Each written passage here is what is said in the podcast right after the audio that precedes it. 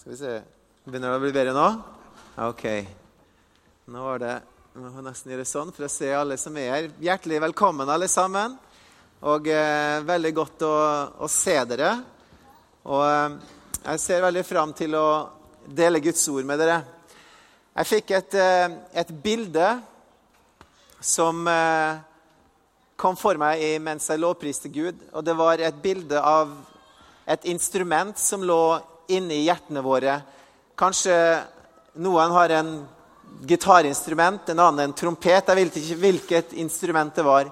Men alle har dette instrumentet i hjertet sitt. Og jeg tror virkelig at Den hellige ånd, Gud, han kan gjøre slik at det blir musikk i det instrumentet. At hjertet ditt virkelig blir fylt av glede, av kraft, gjennom at det instrumentet begynner virkelig å få lyd ut av seg. Men da er det dette at hvis vi er åpne for Den hellige ånd, akkurat som vi sang nå Let the Holy Spirit rain down. La virkelig det få lov til å komme ned og røre hjertet ditt. Så vil du virkelig oppleve at det skjer noe i ditt liv i dag. Skal vi tro det før vi går inn i dette ordet som vi skal høre i dag? Amen? Amen. La oss be virkelig at Gud skal røre hjertene våre, at det skal bli musikk i det instrumentet. Halleluja. Og kjære Gud, jeg bare takker deg for at du er her.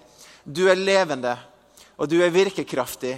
Og du kan forandre livene våre. Du kan orientere livet vårt inn, Herre, på en kurs hvor himmelen er det som ligger foran oss, Herre. Hvor vi opplever seier, hvor vi opplever fred, hvor vi opplever trygghet i vårt liv, i vår families liv, i vår livssituasjon, Herre.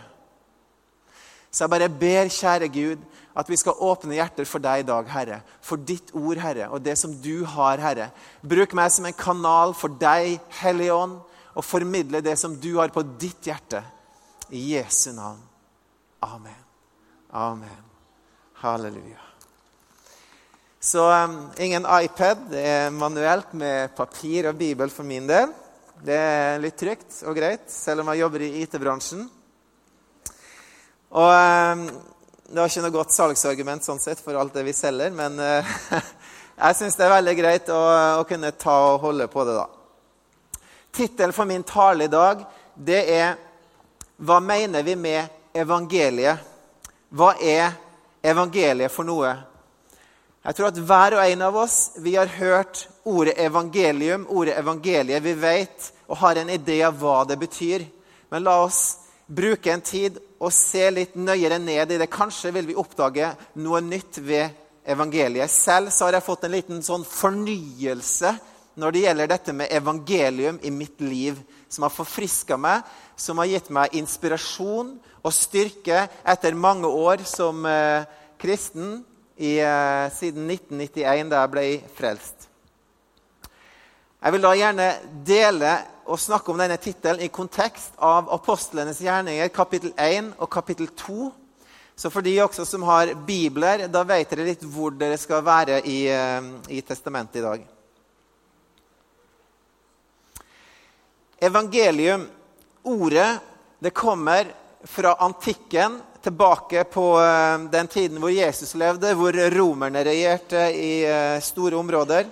Og det ble ofte brukt når konger, skulle, eh, når konger ble født, eller konger skulle innvies og krones og ta, eh, og ta på en måte herredømme. Da ble det forkynt et nytt budskap, et glad budskap om at denne kongen hadde kommet og inntatt tronen. Så evangelium var brukt i den forbindelse.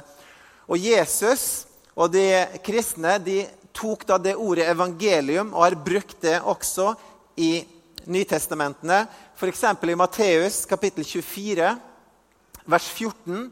Når Jesus forteller om de tidene som skal komme, om det som skal skje, så sier han helt på slutten, når han sitter der på Oljeberget eh, til disiplene sine Og dette evangeliet, sier han, om riket skal forkynnes i hele verden, til vitnesbyrd for alle folkeslag, og så skal en komme.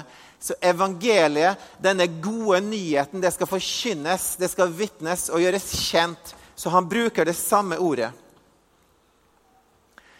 Når vi ser på vår nasjon, så har vi eh, blitt kristna, for å si det sånn, tilbake på eh, etter at eh, Olav den hellige reiste ned i Europa og ble frelst. Da var jo eh, sånn sett Norge mer at vi trodde på, på Odin og på Frøya og alle de, de, de norrønske. Men han befalte da tidlig på 1000-tallet å kristne vårt land. Han brakte inn biskoper fra England. Og den kristningen av landet da innebar en lov i 1023 også, hvor vi alle skulle bøye oss mot øst og tilbe hvite Krist om godt år og fred.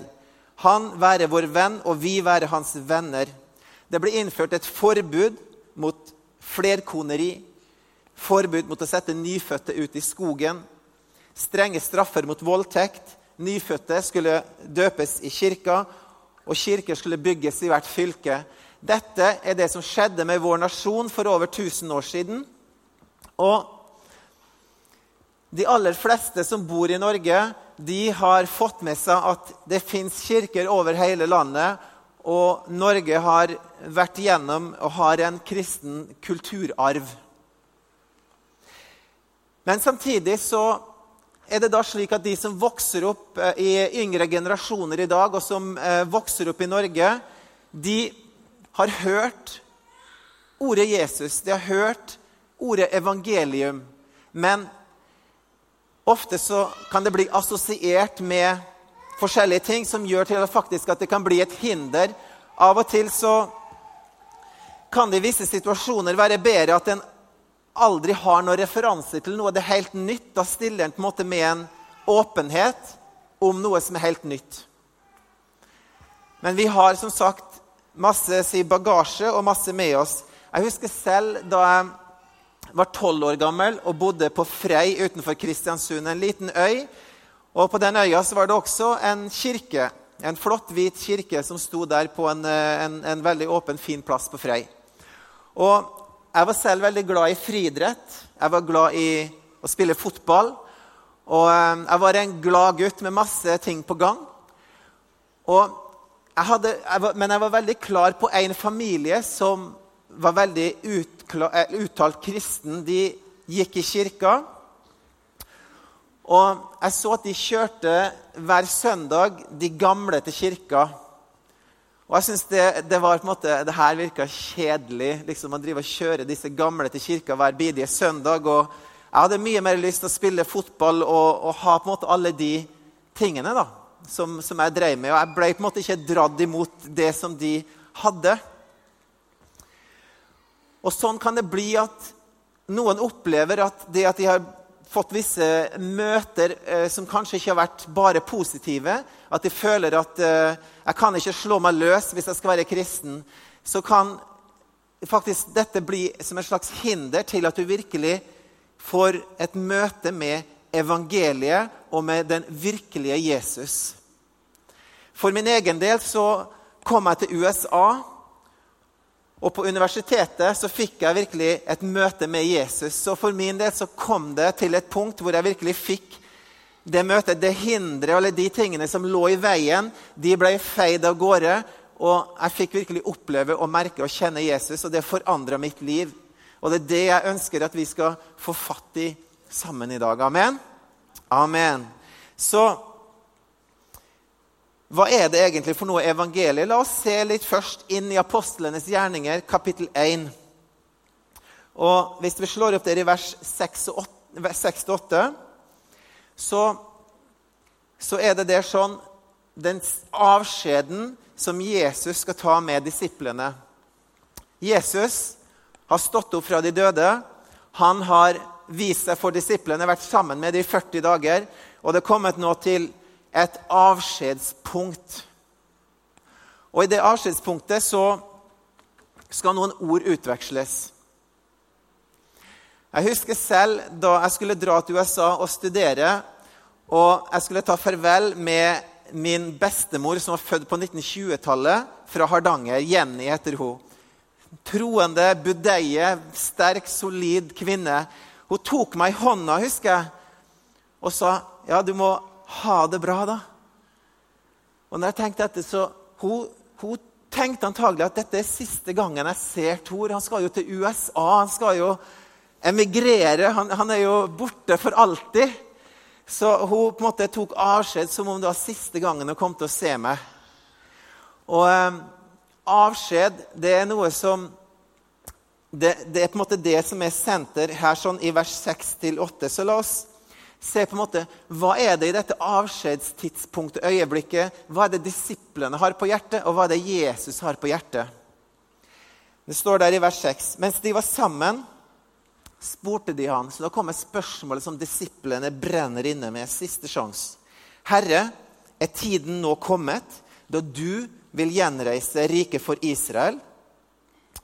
Han svarte, det er ikke gitt dere å kjenne tider og stunder som far har fastsatt av sin egen makt. Men dere skal få kraft når Den hellige ånd kommer over dere, og dere skal være mine vitner i Jerusalem og hele Judea, i Samaria og helt til jordens ende. Disiplene de var veldig interessert i å vite kommer du tilbake snart. Skal du gjeninnta Israel og få romerne ut? Skal du etablere ditt kongerike? Det er det som vi ønsker så gjerne å vite Jesus. Men Jesus han, han vil ikke svare på når de tingene skal skje. Jesus han har et mye større, en større visjon, han har en mye større plan enn det som skulle skje bare i Israel med de levende menneskene i den tidsperioden. Han ville virkelig at evangeliet skulle spres, nyheten, den gode nyheten om det han hadde gjort for oss. Det skulle vitnes om, det skulle spres, det skulle startes i Jerusalem. Så skulle det gå videre til Judea og Samaria og helt til verdens ende. Han så for seg hele verden skulle få høre dette budskapet, og det skulle starte med disiplene. Det var kjernen, og det var det siste og det viktigste som Jesus hadde å si til disiplene. Og Det som han også hadde der, sånn, var at dere skal vitne det, men dere må ha kraft. Dere må vente på Den hellige ånd. Den delen skulle også være med for å virkelig kunne forkynne dette med kraft.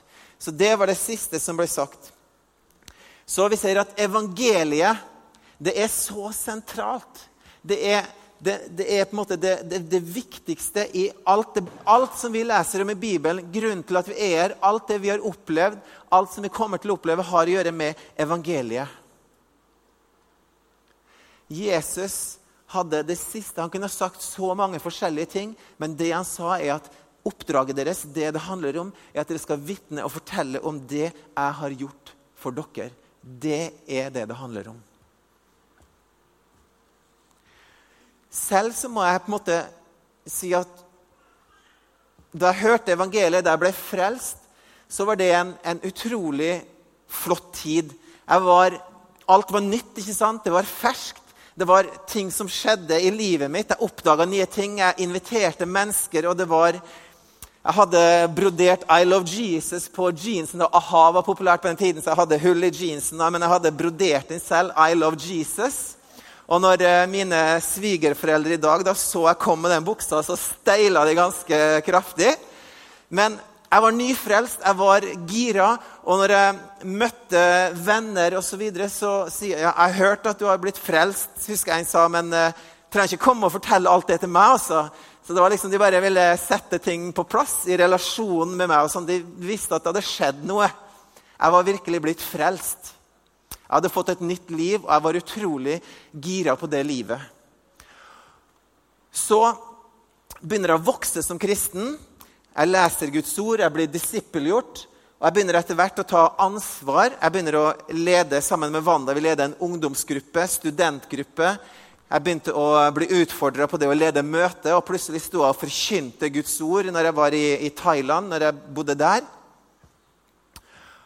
Og det som da ofte skjer, er at når du, når du tjener og du, du, holder på, så fokuserer du på alle de tingene. Men det som er så viktig, det er at det evangeliet, det Jesus har gjort for deg, at det skal fornye deg og forfriske deg. At det ikke må bli noe som skjedde i starten, og så blir det liggende der. Og så jobber du deg videre framover og framover og vokser og vokser. Men det må hele tiden være med og ligge som fundamentet under for alt det du gjør. Og det har vært på en måte en, en, en, en god oppdagelse for, for, min del. Å virkelig bli forfriska og se den virkeligheten, det punktet der. Men la oss se videre nå i forhold til det som skjedde i forhold til uh, apostlenes gjerninger, kapittel 1 og kapittel 2. Så disiplene de går nå inn i Jerusalem, og de skal vente der på Den hellige ånd. Og det som skjer, er jo at de blir døpt i Den hellige ånd. Og det som da skjer, er at for første gang så vil vi se nå at Peter han kommer til å tale for første gang i forhold til å virkelig forkynne evangeliet. Han kommer nå til å forkynne denne nyheten om at Jesus Kristus har stått opp igjen fra de døde. At han, at han har at, at Jesus er på en måte blitt levende, og har, det har skjedd noe helt utrolig stort. Det skal Han da, han står frem og vil forkynne det. Så la oss gå til kapittel 2 og se hvordan evangeliet blir forkynt for første gang i en kontekst av at det forkynnes til jødene. Og jødene, de som var der i Jerusalem, de var da veldig undrende til hvorfor de talte i alle disse ulike språkene. Og de trodde at eh, de hadde blitt fulle på vin.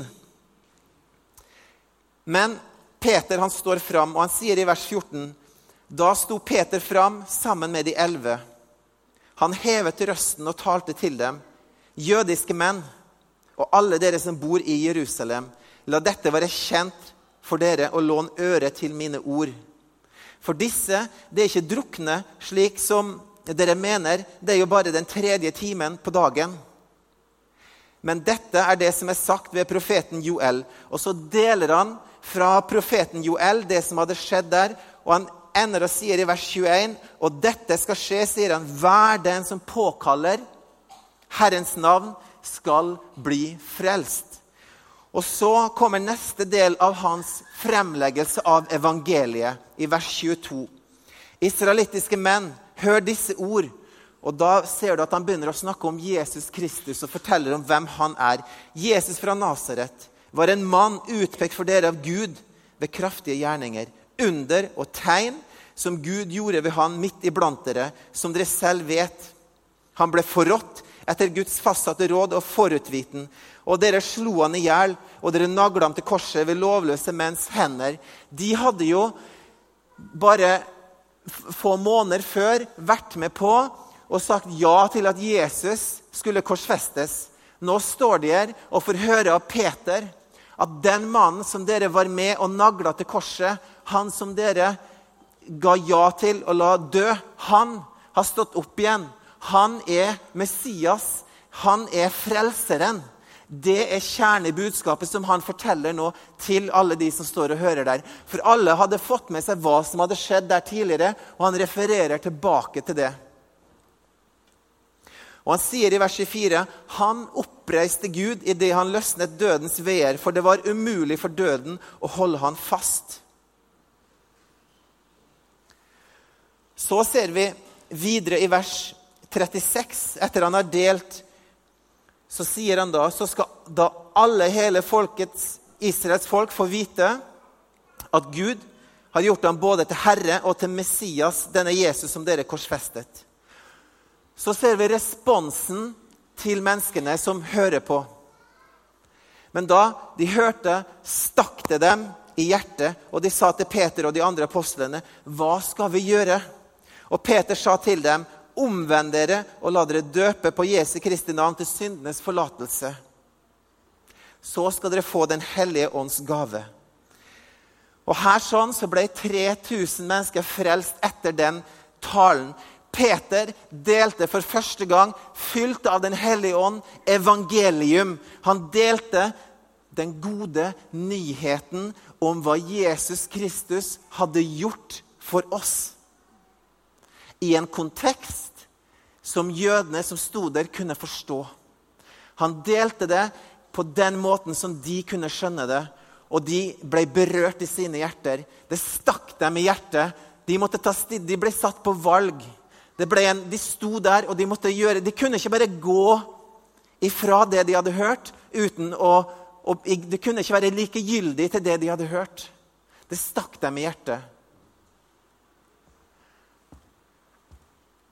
Og Vi ser da at de tok imot Jesus, de lot seg døpe, de ble fylt av Den hellige ånd.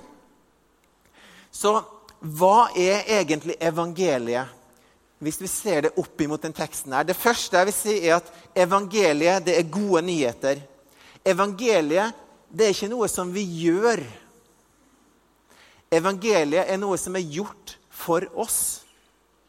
Og det er noe som vi må ta stilling til. Jødene i Jerusalem de ble konfrontert med denne nyheten, dette glade budskapet, og de måtte ta stilling til det. Det ble presentert på en relevant måte for dem, som berørte dem, som de forsto, og det skjedde noe i hjertene deres. Og det som skjedde, måtte de ta stilling til. Evangeliet det er nyheten om Guds sønn og hva Jesus har gjort for å gjenetablere relasjonen med Gud. Det er hva evangeliet er. Det er nyheten om det Jesus har gjort for oss for å gjenetablere relasjonen med Gud.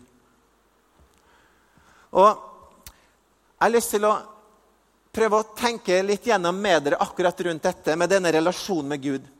Hvis vi tenker oss før universet var skapt, før Gud hadde skapt oss og skapt jorden, da eksisterte Gud i tre personer. I Gud Faderen, Gud Sønn og Gud Den hellige ånd. De tre hadde en perfekt relasjon seg imellom. De var opptatt av og sentrert rundt og eh, elske hverandre og bruke tid på hverandre. De var ikke opptatt av å konkurrere om å være størst, konkurrere om å være, ha eh, mest makt. De var opptatt av å hedre hverandre, ære hverandre. De hadde en perfekt relasjon seg imellom. Det var en perfekt kjærlighet. Og Det er derfor tror jeg også at vi kan si at Gud er kjærlighet fordi han er i tre personer. Gud han vet virkelig hva kjærlighet er, fordi at de tre personene i Gud de elsker hverandre, og de har en relasjon seg imellom. Og denne kjærligheten ville da Gud dele. Han ville på en måte denne, denne dansen som de hadde seg imellom, han ville invitere flere inn i den dansen. Han ville at flere skulle bli en del av det livet. Og Derfor så bestemmer Gud seg for å skape universet å skape jorda å skape oss mennesker i likhet i hans bilde for at vi skal bli en del av det fellesskapet sammen med Gud Faderen, Gud Sønnen og Den hellige ånd. Det var intensjonen. Og intensjonen var at det skulle være en perfekt kjærlighet oss alle imellom sammen med Gud, hvor Gud var sentrum. Og Vi ser faktisk helt tilbake i første eh, Mosebok at Jesus han eh, Nei, Gud hadde da en, en, Det var ingen død, det var kun på en måte fred som var. I første Mosebok 29 så står det faktisk at eh, Se, jeg gir dere alle planter som setter frø. Alt som finnes på hele jorda, alle trær som bærer frukt med frø. Det skal dere mennesker ha å spise. Og dyrene, dere skal da ha alle grønne planter å spise, står det. Dyrene de, kunne, de, de spiste på en måte det som var av jorda. Eh, av gresset. De, det var ikke noe død som var på en måte etablert. Det var en perfekt relasjon mellom menneskene, mellom Gud og mellom alt som levde. Så feila vi. Vi valgte å gå vår egen vei, og synd ble introdusert inn. Og da kommer konsekvensen av Guds vrede inn, hvor Gud sier også i 1. Mosebok kapittel 3 Med svette i ansiktet skal du spise ditt brød inntil du vender tilbake til jorden, for, for av den er du tatt. Støv er du, og til støv skal du vende tilbake. Så vi på en måte kommer i en situasjon hvor vi må bære konsekvensen av det feiltrinnet at vi valgte å ta av kunnskapens tre om godt og ondt. Og det som nå skjer, er at istedenfor at vi har denne perfekte relasjonen med Gud, så begynner ting å sentrere seg rundt oss. Vi begynner å bli opptatt av eh, hvem vi er hvordan vi ser ut, utseendet vårt. Vi blir opptatt av eh, makt. Vi blir opptatt av å konkurrere og være bedre enn andre. Så vi, vi kommer i en situasjon hvor vi, hvor vi forandrer oss og begynner å glemme Gud og glemme den originale planen som Gud hadde. Og, og det her kan gå ganske ille for mange. Det kan, det kan etter hvert nesten ødelegge livet i forhold til hvordan du har det. Du kan eh, komme inn i masse ulike situasjoner som gjør det vanskelig, og du mister livsgleden. Det bare tapper deg for for virkelig den livsgleden og den gnisten som, som, du virkelig hadde. Og Selv husker jeg når jeg var på universitetet i USA, hvor, hvor jeg opplevde en sånn konkurranse på det friidrettslaget hvor de som var det vi kaller on varsity, som var rekruttert ut av uh, high school, de klikka seg sammen. Og vi som kom som walk-ons, som da kom inn på friidrettslaget som frivillige, for å si det sånn, vi ble ikke tatt imot av de, og de kom faktisk på morgenen hvor de da hadde avtalt å starte litt tidligere med friidrettstreningen. Så når vi andre kom, så var de allerede i gang. Og så står du og tenker Hva er det her for noe? Dette er jo ikke team. Dette er jo ikke kjærlighet. Og disse tingene de spiste inn i meg. Det gjorde meg, Jeg ble lei meg. Jeg, ble, eh, jeg, ble, jeg hadde det ikke bra. Men jeg hadde heller ikke ennå møtt Jesus og fått virkelig det han hadde gjort for meg, inn på innsiden. Så disse tingene de fikk lov å begynne å spise inn i meg. De fikk lov til å ta tak i meg og begynne å, å ødelegge min glede. Jeg var jo så glad i friidrett. Jeg elska jo å løpe. Men disse tingene de såra meg. Det var ikke godt.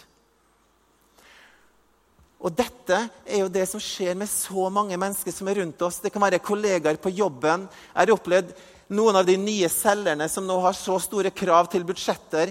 Ei jente hun kom gråtende fordi at hun hadde ikke fått på en måte de budsjettene og de tingene på plass før hun skulle møte med sjefen. Det bare spiste inn ned til et punkt hvor hun gråt midt iblant oss på kontoret.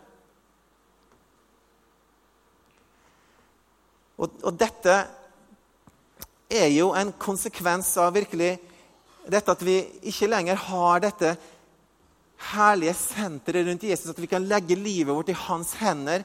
At vi virkelig vi kan hente styrke fra han, slik at ikke disse tingene trenger å spise inn i oss og ødelegge oss og ta gleden bort fra livene våre. Og Gud, han skjønner, han vet at det er dette vi trenger. Så han velger å sende Jesus Kristus ned på jorda. Han velger å, å, ta på en måte at vi skal få komme tilbake til det originale slik som det var i starten. Da det var en perfekt relasjon mellom oss og Gud. Den dansen, Han vil at vi skal igjen komme inn i den dansen og få være sammen der slik det originalt var ment å være. Og Han har nødt til å ta oppgjør med alt det som har skjedd, fordi at den skaden som har skjedd, det rotet som vi har lagt til, det er han nødt til å ta på seg og ta det bort, slik at vi kan bli tilgitt. At vi kan få en ny start. Og Det er derfor Jesus kommer og han dør på korset.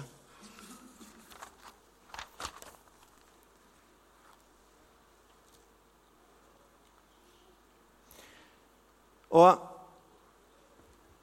det som det som skjer når vi virkelig får møte Jesus og får dette evangeliet på innsiden, at dette møtes når vi får med Gud, så skjer det noe i livene våre. Det er faktisk slik at det er noe som Det er ikke bare at Hvis du tenker deg et metallstykke som du bøyer Hvis du bøyer det og holder det i spenn gjennom å gjøre masse gode gjerninger for å være nær Gud, du gjør gode gjerninger, og du holder dette i spenn. Men etter hvert så blir det så slitsomt, så spretter det bare tilbake igjen.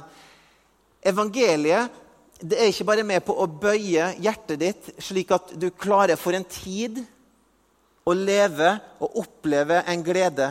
Men det som skjer med evangeliet, når det treffer ditt hjerte, så smelter det hjertet ditt. Det former hjertet ditt. Du får et nytt hjerte.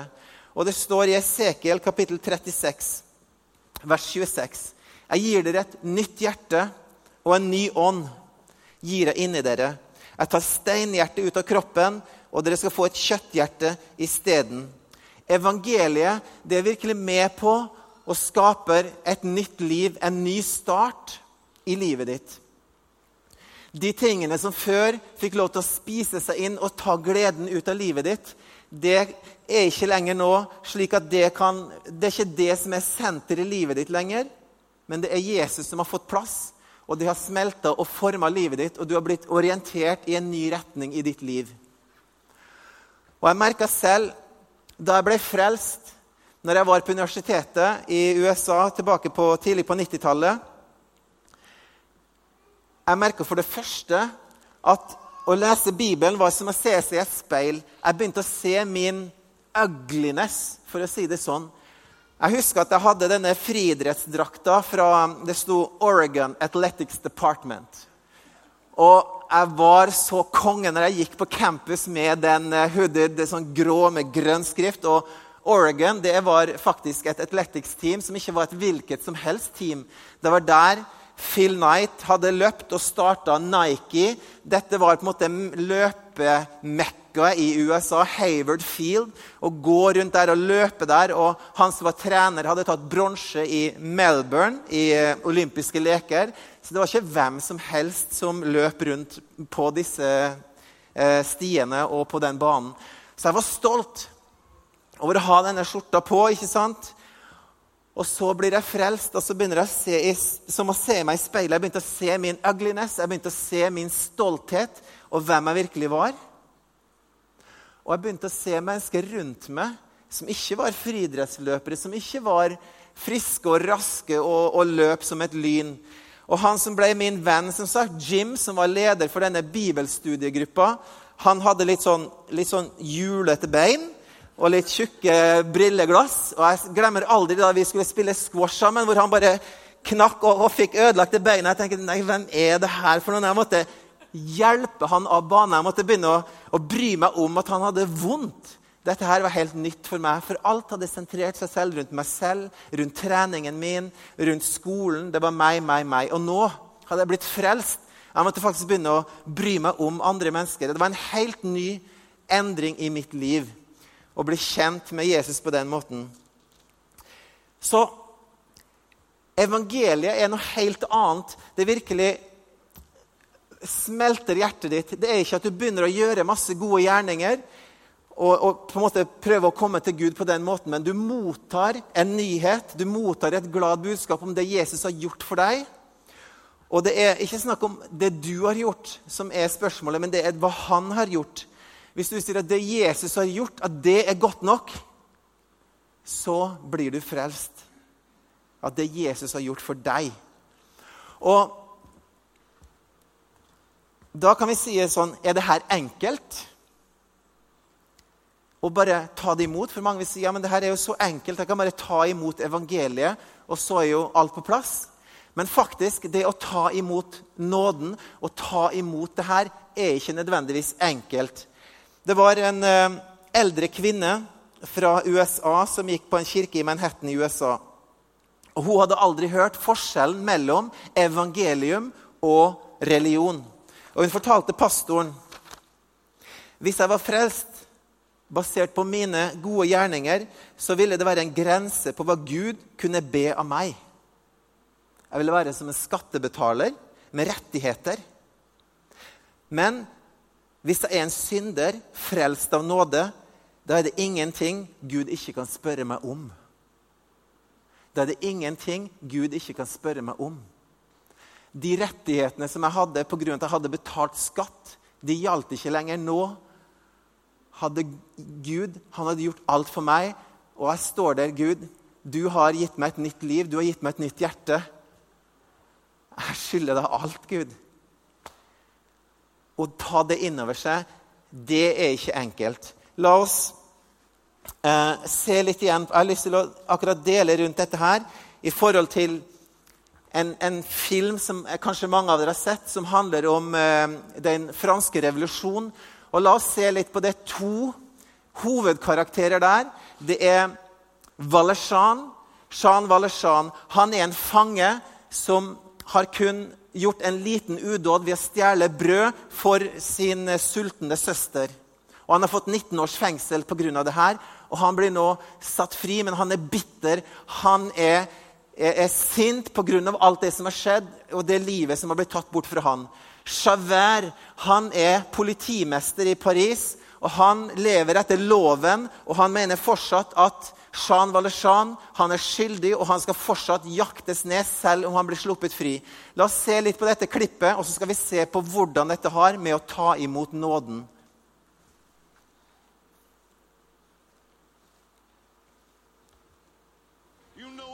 Means? Yes, means I'm free. No. Follow to the letter your itinerary. This badge of shame you'll show it till you die. It warns you're a dangerous man. I stole a loaf of bread. My sister's child was close to death.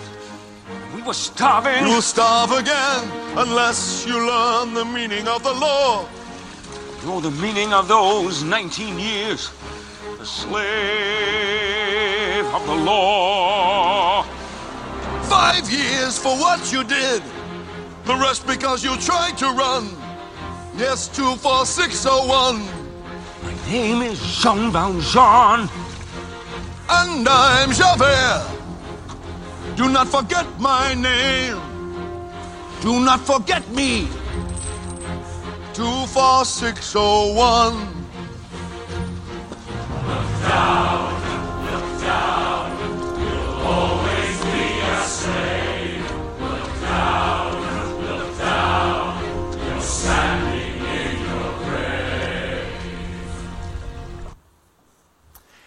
Her ser vi disse to karakterene. og Det som skjer, det er at denne fangen han blir sluppet fri, og det er en biskop som tar vare på han. Han får mat, han får seng og husly, og han virkelig får en kjærlighet fra denne, fra denne biskopen. Det som skjer etterpå, er da at selv om han har fått den kjærligheten, så stjeler han eh, sølvtøy fra biskopen. Og han blir etterpå igjen arrestert. Han blir brakt tilbake til biskopen, og de eh, står da og sier er, er det noe som han har stjålet fra deg? Er han skyldig? Og biskopen har all mulighet til å dømme og si ja, han hadde gjort det, og virkelig jeg hjalp han, og nå har han rota det til. Men det som da biskopen gjør, er at han sier at han kan ha det, han er tilgitt, han får ingen konsekvens av det han har tatt. Jean Valjean blir av det her totalt knust i sitt indre av den ufattelige kjærligheten som han opplever der. Den nåden som han opplever ved at han blir tilgitt. Og selv om han har stjålet fra en som han allerede hadde fått hjelp ifra, to ganger blir han hjulpet av biskopen. Og det som skjer, er at Jean Valjean, hans bitterhet forsvinner, hans selvmedlitenhet forsvinner. Han lar virkelig denne kjærligheten få slippe helt ned i hjertet sitt. Og vi ser gjennom hele denne historien at han begynner å leve et totalt annet liv. Han hjelper eh, en prostituert, og han, han, gjør alt han kan for å hjelpe de som da han, eh, han får på, en måte på sin vei. Javert i motsetning, denne politimesteren som lever virkelig med, med, loven og straffen og skyldigheten og følger det som sin rettesnor. Han jakter på Valjean, og på slutten av historien så ser vi da at uh, Jean Valjean har all mulighet. Han er nede i, Javert er nede i søla, han er egentlig fortapt, og han vet at nå fortjener jeg min straff. Nå kan du bare drepe meg, så er du av med meg, og jeg jeg er ikke lenger en del av, av ditt, jeg er ikke lenger et problem i ditt liv. Han vet, og han opplever selv at 'jeg fortjener det'. Du har tatt meg nå. Du kan nå gjøre av med meg. Jean Valjean, istedenfor å drepe, så sier han at 'du er fri. Jeg vil ikke drepe deg. Du kan gå'. Javert får da nåden, denne kjærligheten, presentert rett i seg selv. Han må ta stilling til det. Og han, han, han, skjønner at han må orientere seg. Han kan ikke fortsette denne jakten lenger nå på Jean Valjean, sånn som han hadde gjort før. Han må gjøre en radikal forandring i sitt liv. Hele det eh, verket rundt loven og, og, og, straffen, alt det må han nå legge til sides. Han klarer ikke å gjøre det. Det blir for mye for han. Han lar ikke det slippe inn. Og det han gjør, det er at han går på eh, broa over Seinen, og han kaster seg selv inn i elva og tar selvmord. Så vi ser to personer og hvordan de forholder seg til nåden og denne ufattelige kjærligheten fra Jesus Kristus. Så det er ikke bare enkelt det å ta imot, akkurat som denne kvinnen sa eh, i Manhattan. Nå som jeg har fått på en måte alt tilgitt, så, så, er det på en måte ingenting Gud ikke kan spørre fra meg lenger. Jeg står på en måte i, en, i, en, en sånn, i et sånt forhold til Gud.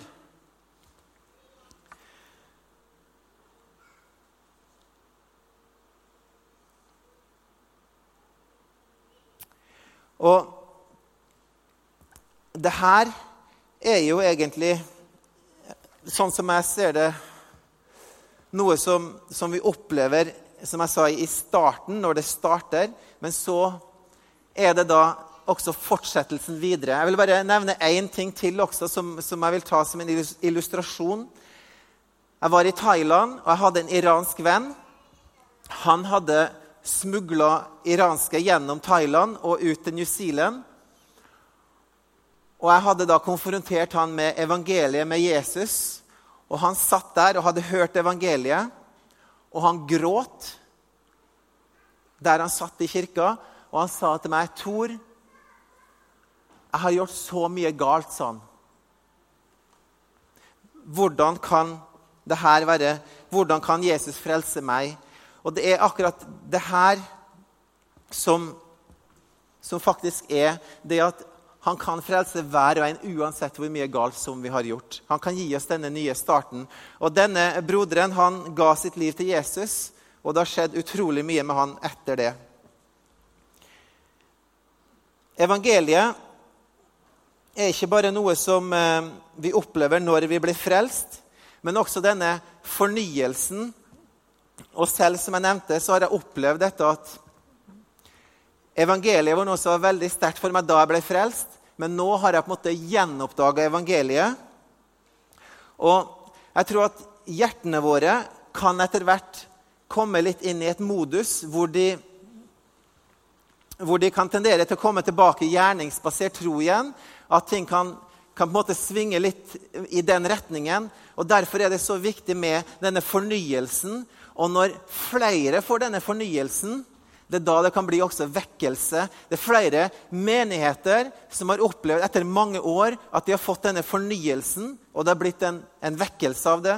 Det har blitt virkelig en, en, eh, At det har spredd seg kraftig. Og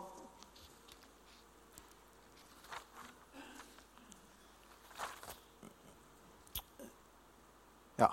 Det har jeg allerede delt litt om. Så det som eh, jeg egentlig vil oppsummere litt med å si, det er litt opp imot hvem vi er. Hvis du aldri har hørt evangeliet og har aldri opplevd på en måte dette, denne invitasjonen til å komme inn igjen til Jesus og få dette nye livet, så vil jeg virkelig oppmuntre deg til å si ja til Jesus og ta på en måte den utfordringen og det livet og ta imot den gaven det er på en måte virkelig til de som ikke har hørt det, og ønsker virkelig det livet. Som jeg sa selv, for min egen del, så skapte det et helt nytt hjerte i meg selv. Jeg fikk en glede på innsiden, og jeg fikk en, en, en ny giv i livet mitt. Og det har vært noe som har vært med meg. Og har vært, jeg har hatt en sånn utrolig reise som, eh, sammen med Gud fra det punktet og fram til nå. Og jeg står her fortsatt i dag og det gjør noe med hjertet mitt. Når jeg merker også at hjertet mitt begynner å komme litt tilbake i de gamle mønstrene, så har jeg Jesus Kristus og det han har gjort for meg, som kan hjelpe meg tilbake og virkelig sette fokuset mitt riktig igjen.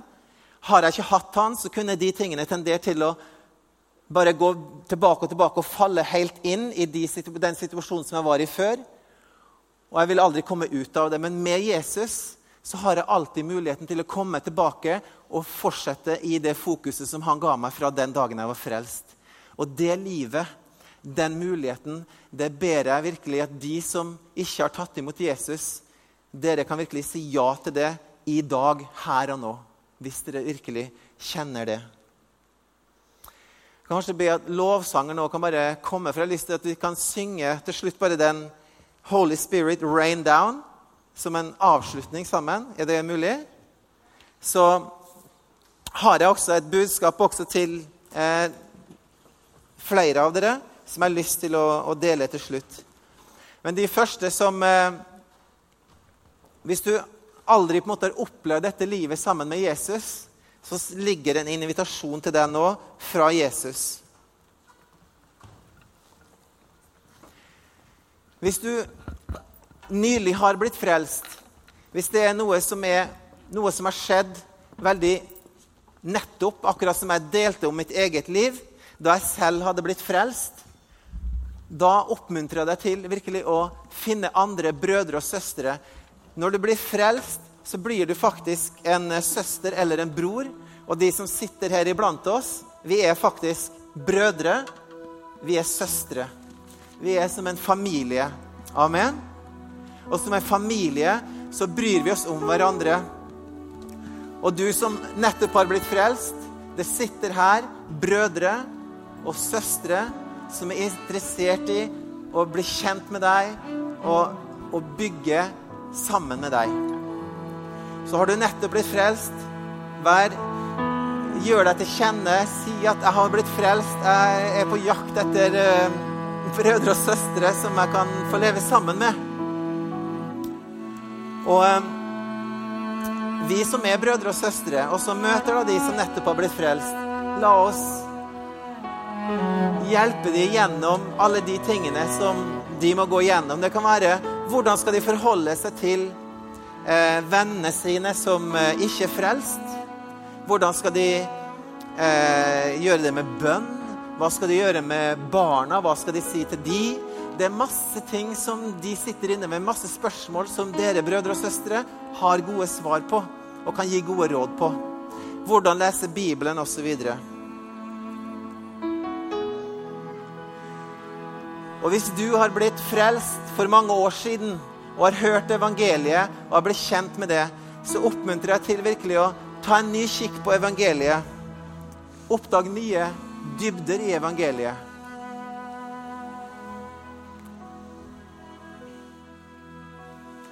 Jeg oppmuntrer også de som har blitt kjent med evangeliet og har eh, vokst med det og er kristne i dag. La oss tenke på hvordan kan vi formidle evangeliet. La oss studere byen vi lever i. La oss studere og forstå menneskene som bor i Sandvika, i Bærum, i Akershus. La oss forstå hvem de er, og hvordan vi skal kunne formidle evangeliet, den gode nyheten om Jesus Kristus og det han har gjort for oss. På en måte som de forstår. Fordi Peter han delte det på en måte som jødene i Jerusalem forsto på den tiden. Vår utfordring er å dele det på en måte som de som bor rundt oss her, forstår. Halleluja. Skal vi reise oss og så la oss synge denne siste sangen? Og la virkelig Den hellige ånd få være den som kan sette musikk på det instrumentet i hjertet ditt. Halleluja.